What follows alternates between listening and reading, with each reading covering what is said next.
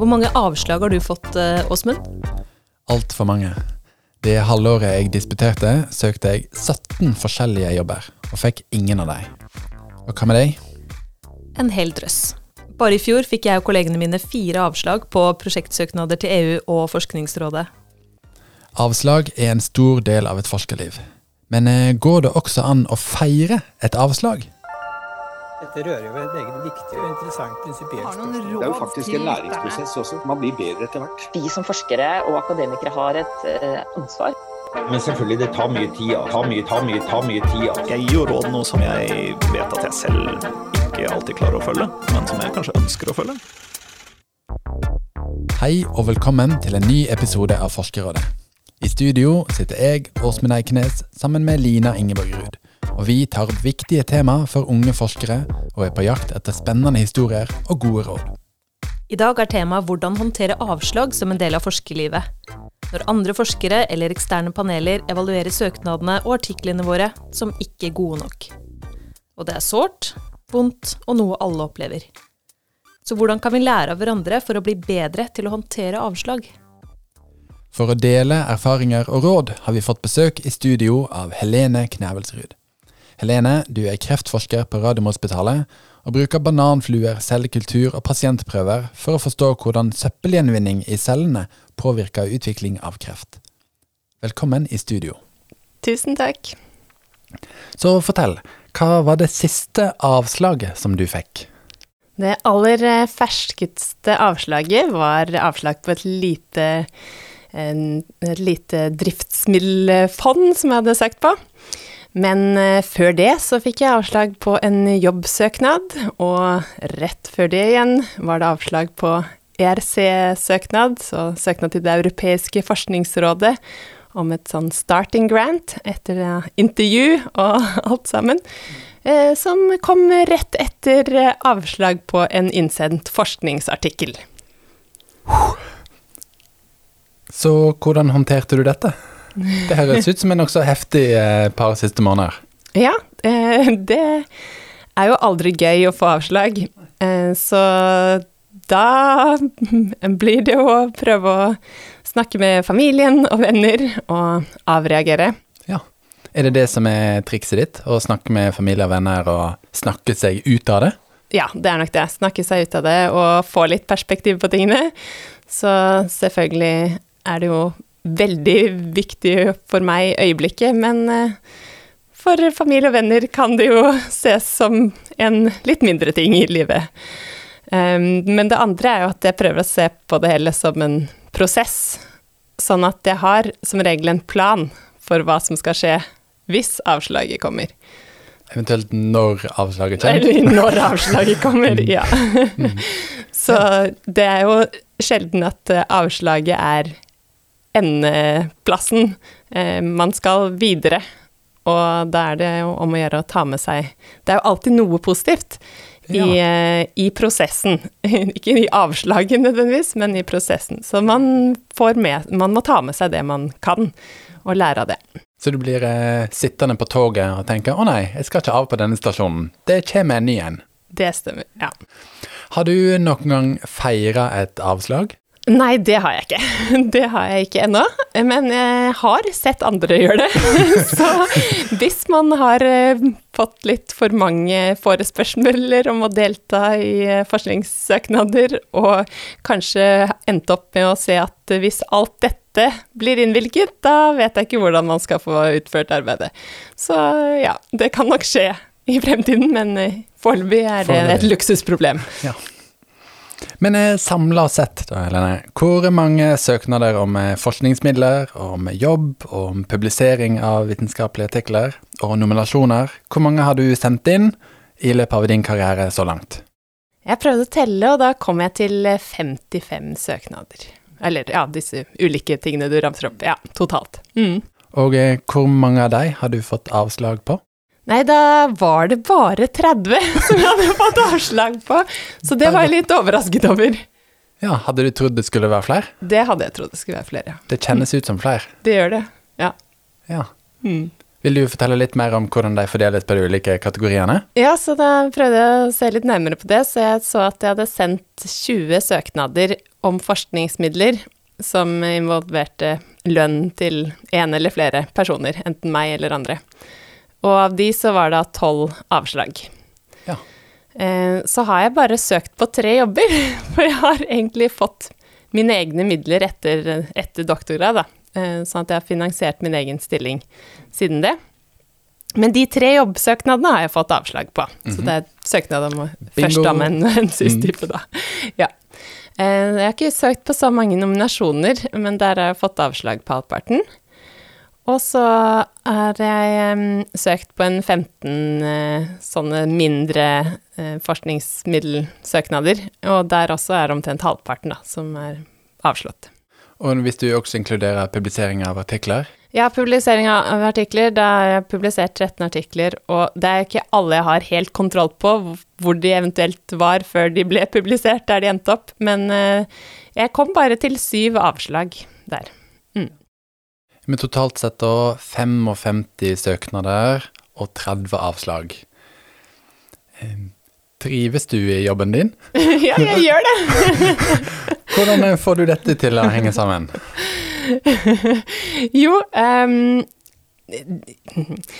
det er jo eh, da et sprik mellom eh, det som er, eh, hva skal vi si, innvilgelsesprosenten hos f.eks. For Forskningsrådet og det jeg ramset opp nå. Nå skal det jo sies at en del av de har man jo litt mer kontroll over. F.eks. det med publikasjoner, så send, har man jo en viss idé om hvor man bør sende inn sin artikkel for at den skal bli akseptert av et tidsskrift.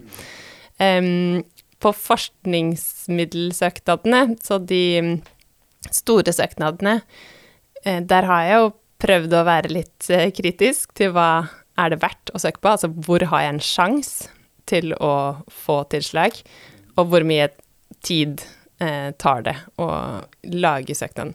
Og så er det jo, skal det sies at eksempel da den em, første, eh, eller den måte, andre gangen jeg søkte om andre runden jeg på en måte søkte om eh, midler til egen stilling, så når jeg skulle få en forskerstilling, den søknaden ble sendt syv ganger, og jeg fikk tilslag på to av de.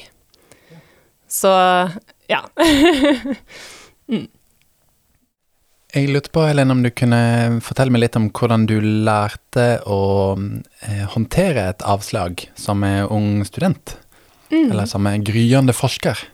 ja, jeg tror jeg har lært fra tre ulike vinkler. Ja, Så den ene er å se hva man ikke bør gjøre. Det Så er det man ikke bør gjøre, er å sende sint e-post til alle samarbeidspartnere og forbanne Forskningsrådet eller den som deler ut midler, og snakke ned alle de som har fått midler. Så for all del, helst ikke send noen e-post akkurat den dagen du har fått et avslag. La det vente litt. Det andre er jo å få støtte fra ledere de har hatt som uh, mentorer uh, og veiledere gjennom uh, karrieren, og få støtte på at ja, dette er kjipt, men du lærer noe av det, vi går videre. Uh, søk igjen, eller finne en annen vei å løse det på. Eh, og det tredje er jo at det har blitt mer normalt å dele dette med avslag i sosiale medier. Eh, at eh, man kan følge med på hashtag 'rejection is the rule' og se på alt mulig som eh, blir avslått. Eh, eller at eh, da kjente forskere har delt sine skygge-CV-er, så man ser at det ikke bare er tilslag for de heller. For når du forteller at du har fått 30 avslag på 55 søknader, så betyr det på et vis at din skygge-CV er litt lenger enn den faktiske CV-en din. Ja. Ja. Mm. er det noen av de som du har sett delt, som du tenker åh, oh, den var fin for meg å se? Noen høydepunkt i eh, enten din egen eller andre sin skygge-CV? Ehm, jeg, har vel, eh, jeg satte vel pris på Siri Leknes, som eh, fortalte Jeg skal ikke si om jeg husker det helt riktig, men hun hadde vel søkt eh, ti ganger til Forskningsrådet uten å få penger derfra. Eh, men det har fått penger fra andre steder, så ja. La oss høre med to andre unge forskere om hvordan skygge-CV-ene deres ser ut. Jeg heter Anne Kjøndal. Jeg er idrettssosiolog, og jeg jobber som førsteamanuensis ved Nord universitet i Bodø. Jeg har hatt et lite prosjekt med å lage en sånn eh, CV of failures. Eh, mm.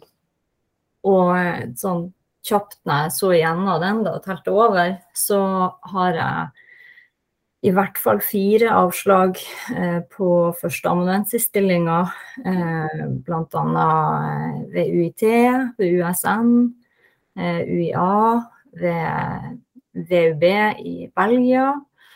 Jeg har eh, tre avslag på eh, forskningsprosjekter hos Forskningsrådet, på unge forskertalenter. Eh, jeg har to avslag på forskningsprosjekter eh, som er mer idrettsrelatert da, internasjonalt. Og jeg har ikke liksom helt telling over hvor mange artikkelutkast som har forslag, men jeg vil tro at det er over 100. Eh, og jeg har en personal best, da. Eh, eller personal worst. ja, hva du vil, hvordan du vil se på det. Eh, på ti desk rejects eh, før en artikkel til slutt etter en review-runde ble publisert. Da. Um, og når det gjelder kronikker og sånne type ting, så tror jeg jeg har i hvert fall 200 uh, eh, avslag. Mari Elken, du er seniorforsker ved NIFU, Nordisk institutt for studier av innovasjon, forskning og utdanning. Og du har, som mange av oss, fått en del avslag i løpet av karrieren. Hvor mye forskning har du søkt om, eller hvor lang er skygge-CV-en din? ja, jeg har, vil nok si at det er, det, det er mange flere avslag enn en gjennomslag eh, i de prosjektene jeg har søkt.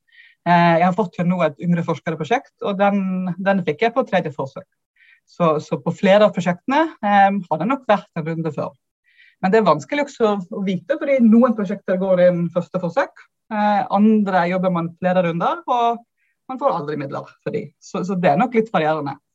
Eh, men for enkelte prosjekter kan jeg nok også si at den søknadsskrivingen har ikke bare vært bortkasta heller. For, for, noen av skissene har faktisk blitt bedre, også eh, gjennom å skrive de på nytt og, og forbedre de over tid. Så Helene, du forteller at det har blitt stadig viktigere og mer rom for å snakke om avslag blant forskere. Eh, kunne du ha sagt noe om hvordan du snakker med studentene som kommer inn i forskningsgruppa di, om eh, hva det innebærer, og hvilken plass det har i en forskerkarriere? Mm. Ja, jeg eh, ble egentlig veldig inspirert av å se Kenneth Ruud, som nå er eh, direktør for Forsvarets forskningsinstitutt, dele sin skygge-CV. Og det inspirerte meg til å dele min skygge-CV med, med min eh, eller forskningsgruppen jeg er del av. Så ikke bare de som jobber for meg, men en litt større gruppe.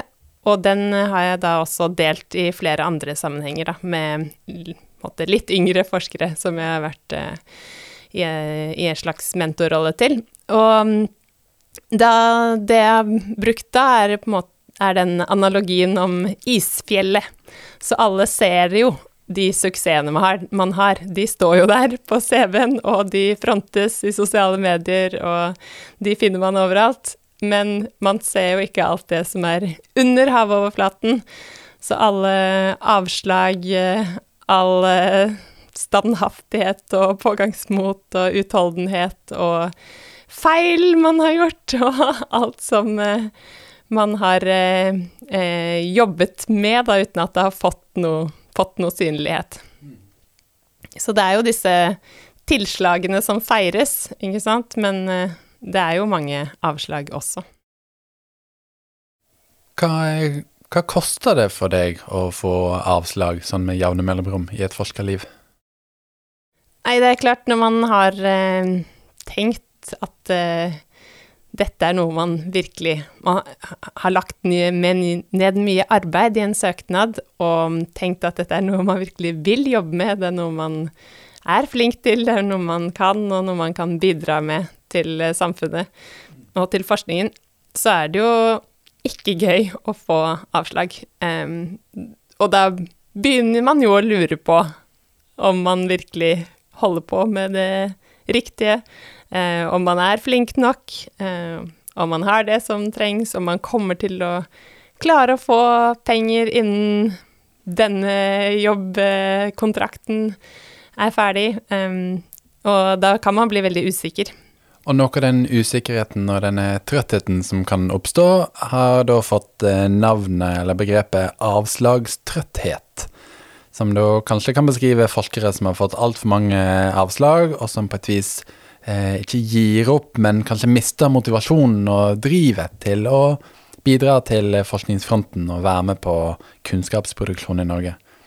Hva tror du at eh, konsekvensene av avslagstrøtthet kan bli for eh, Forsknings-Norge? Mm.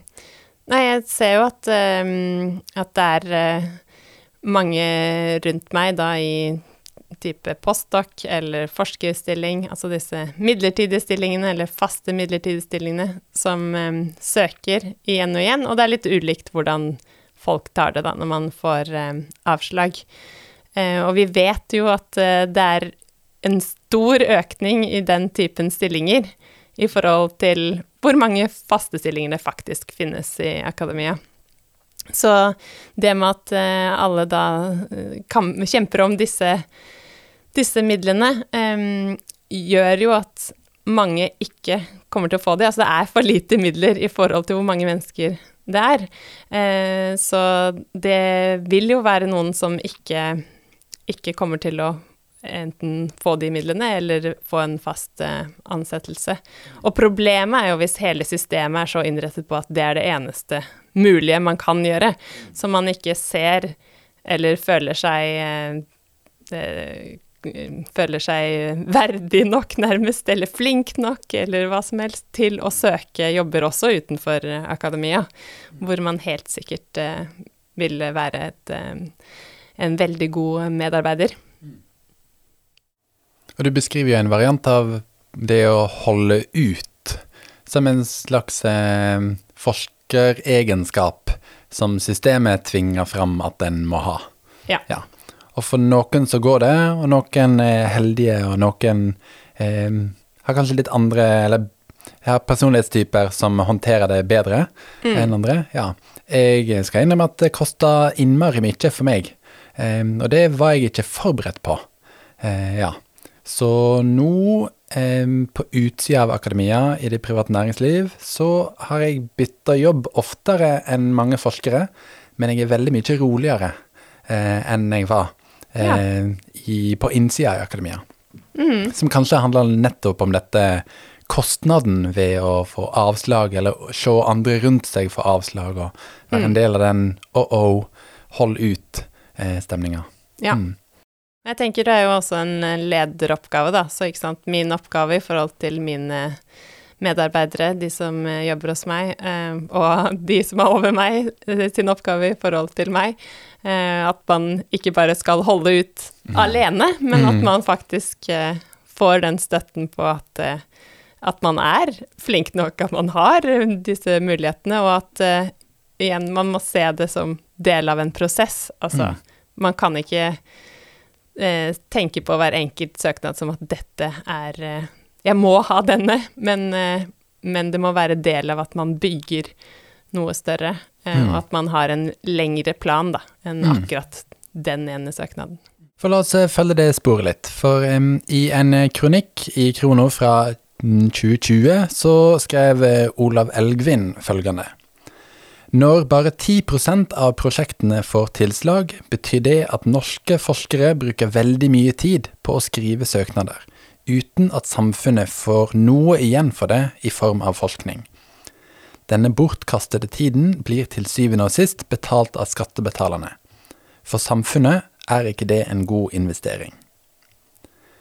Jeg lurte på om du kunne dele noen av tankene dine rundt verdien av arbeidet lagt ned i en søknad som får avslag. Er det bortkasta tid, finansiert av skattebetalerne? Nei, det vil jeg ikke si. Fortell. Jeg mener at uh, man legger jo ned arbeid i en søknad som er ting man hvis man skal utføre den forskningen, da, er ting man måtte ha gjort uansett. Altså du planlegger uh, forskningsforløpet, du planlegger hva du skal gjøre, du samler inn eller kontakter samarbeidspartnere, du begynner kanskje litt på forskningen, får noen preliminære data, um, og du legger planer for hvordan du skal håndtere hvis det du har tenkt å gjøre, ikke slår til, men du må endre planer. Så alt dette er jo på en måte noe du måtte ha gjort uansett. Så det er ikke sånn sett bortkastet tid. Og mm, stort sett eh, altså, I hvert, hvert fall hvis man kan se det i et litt større perspektiv, og man kan gjenbruke dette i en ny søknad, kanskje forbedre etter innspill man har fått eh, gjennom en eh, innsendelsesprosess. Um, men når det er sagt, så skjønner jeg på en måte Jeg er jo enig i dette, denne store mengden da, av avslag, eller at bare 10 finansieres, mm. betyr jo at det er veldig mange som har jobbet med søknader som ikke har blitt finansiert. Mm. For eh, den 10 eh, den eh, kommer f.eks. fra eh, Norsk forskningsråd sin tildeling i 2021, da med forskerprosjekt for unge talenter. Der var fordelingen at de hadde behandla 540 søknader, og så innvilga de 55. Altså en prosent på 10,2. Totalt så søkte disse 540 forskerne om 4000 millioner, og så fikk de tildelt 400 millioner. Hvor mange av de 540 forskerne tenker du at burde ha fått forskningsmidler fra Forskningsrådet? Jeg tenker at det burde vært 20-25 eh, som hadde fått, så 110-140 stykker. Så det er jo minst dobbelt da, av de som fikk. Mm. Hvor skal da 600 millioner kroner komme fra? Det vet jeg ikke. det, kan, Men, uh, det er kanskje en eh, samfunnsøkonom sin jobb. det får, ja. Mm. det får noen andre finne ut Ja, nei, men uh, Eh, så, så, hvordan man løser det, om det da betyr at det er for mange søknader, eller for lite penger, eller en kombinasjon av de to, um, det, ja, det er jo et spørsmål. Men det er selvfølgelig noe med dette er jo, Her er det å snakke om de frie forskningsmidlene, så det er selvfølgelig en, eh, en, et spørsmål hvor mye som eh, kanaliseres gjennom frie forskningsmidler versus oppbundne midler og programstyrte midler. Mm. Og med, et, eh, med budsjettbrillene på, så vil det jo òg være situasjoner der noen av søknadene blir vurdert som kvalifisert for finansiering, men som av økonomiske grunner ikke når opp. Hva tenker du om at forskere med toppkarakter på søknadene sine også får avslag? Mm. Nei, da tenker jeg at uh, hvem som får, blir jo få et element av uh, lotteri eller tilfeldigheter, da. Um, så da er det jo mange veldig gode søknader som uh, burde vært innvilget. Så det uh, tilsier jo for lite penger i potten. Kunne du ha tenkt uh, høyt om hva som kunne ha stått i avslagsbrevet fra Forskningsrådet, for å gjøre det litt gøyere å få avslag? Er det litt mindre sårt? Er det litt mindre eh, lotteriprega? Ja, det, det, er et godt spørsmål. Men eh, jeg har tenkt at eh, fra noen av eh, tidsskriftene man får avslag på mm, artikler, så kan de jo sende ganske personlige svar. Og, og vise på en måte at de har vurdert artikkelen, men av disse og disse grunner ikke vurderer den som egnet for det tidsskriftet, eller god nok for det tidsskriftet. Og en sånn litt um, personlig hilsen, om, mm. som man føler at man faktisk har blitt tatt seriøst, da, uh, kan jo uh, være noe som um, vil gjøre det litt lettere. Men nå tror jeg akkurat for de store forskningssøknadene så blir man nok eh, ganske nedslått uansett. Og det var som man eventuelt, hvis man skulle puttet noen eh, gode råd om hvordan håndtere et avslag mm. eller noe sånt i det brevet, så er det ikke sikkert det ville blitt tatt så godt imot der og da. Så det aller viktigste er nok eh, de tilbakemeldingene man får fra fagfeller på selve søknaden. At de er gode, eller godt begrunnet, da.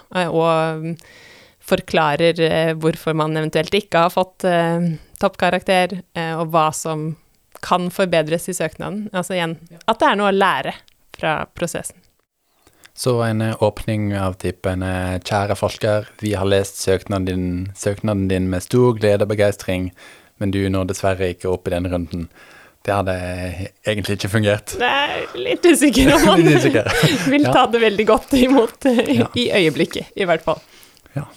Og det er kanskje ikke et brev man har lyst til å åpne igjen seinere heller, så Nei. Nei. Tror du at et avslag kan eh, være noe positivt? Den er litt uh, vanskelig, tenker jeg. Det, å si at det er noe positivt, er kanskje litt, eh, litt for mye, men eh, Noe nøytralt? noe, eh, noe Ja, det kan være nøytralt i noen tilfeller. Um, igjen, det oppleves jo som veldig negativt. Um, men um, igjen, det er jo det hva man kan lære av det, hva man kan ta med seg videre. Eh, enten fra da kommentarer man har fått, eller jobben man har lagt ned i eh, prosessen med å planlegge et eh, forskningsprosjekt. Eh, eller at man har vært gjennom intervju et, i en jobbsøknadssammenheng. Så det er det er vel det man kan Man kan ta med seg gode ting, men selve avslaget vet jeg ikke om det er så mye positivt i. Nei. Hvilke deler av forskerlivet veier opp for eh, følelsen av å få et avslag? Det er jo gleden over å kunne oppdage nye ting, forfølge ideene man har, eh, samarbeide med gode forskere både lokalt og internasjonalt, og kunne eh, støtte andre yngre, både studenter og forskere, på deres eh, vei. Og alt det morsomme man gjør på laben. Så det, det gjør det absolutt verdt å få et avslag. Hva er ditt beste råd for en forskerspire som møter sitt aller første avslag? Det er rett og slett å akseptere alle de negative følelsene med det. Altså akseptere at det er kjipt å kjenne på det, og så komme seg videre på en måte. Eh, For alle får jo avslag, uansett hvor eh, flink og fremragende man er. Så det er bare en del av gamet, tenker jeg. Eh, og mitt beste råd egentlig vil være å puste. Legge det bort for en liten stund. Eh, tenke OK, er dette noe jeg faktisk har troa på? Så hvis du har faktisk fortsatt troa på ideen og tenker at OK, her har jeg en kjempegod idé, den har bare ikke funnet sin riktige form eller sin riktige panel ennå, da tenker jeg det er bare å komme i gang, revidere søknaden en gang til, finpusse, eh, gjøre det enda litt skarpere og sende det inn på nytt. Så til deg som er ung forsker, du er ikke alene. Søk støtte, det finnes mange rundt deg som også har fått avslag, og som du kan dele det med. Tusen takk for samtalen og for gode råd, Helene. Selv takk.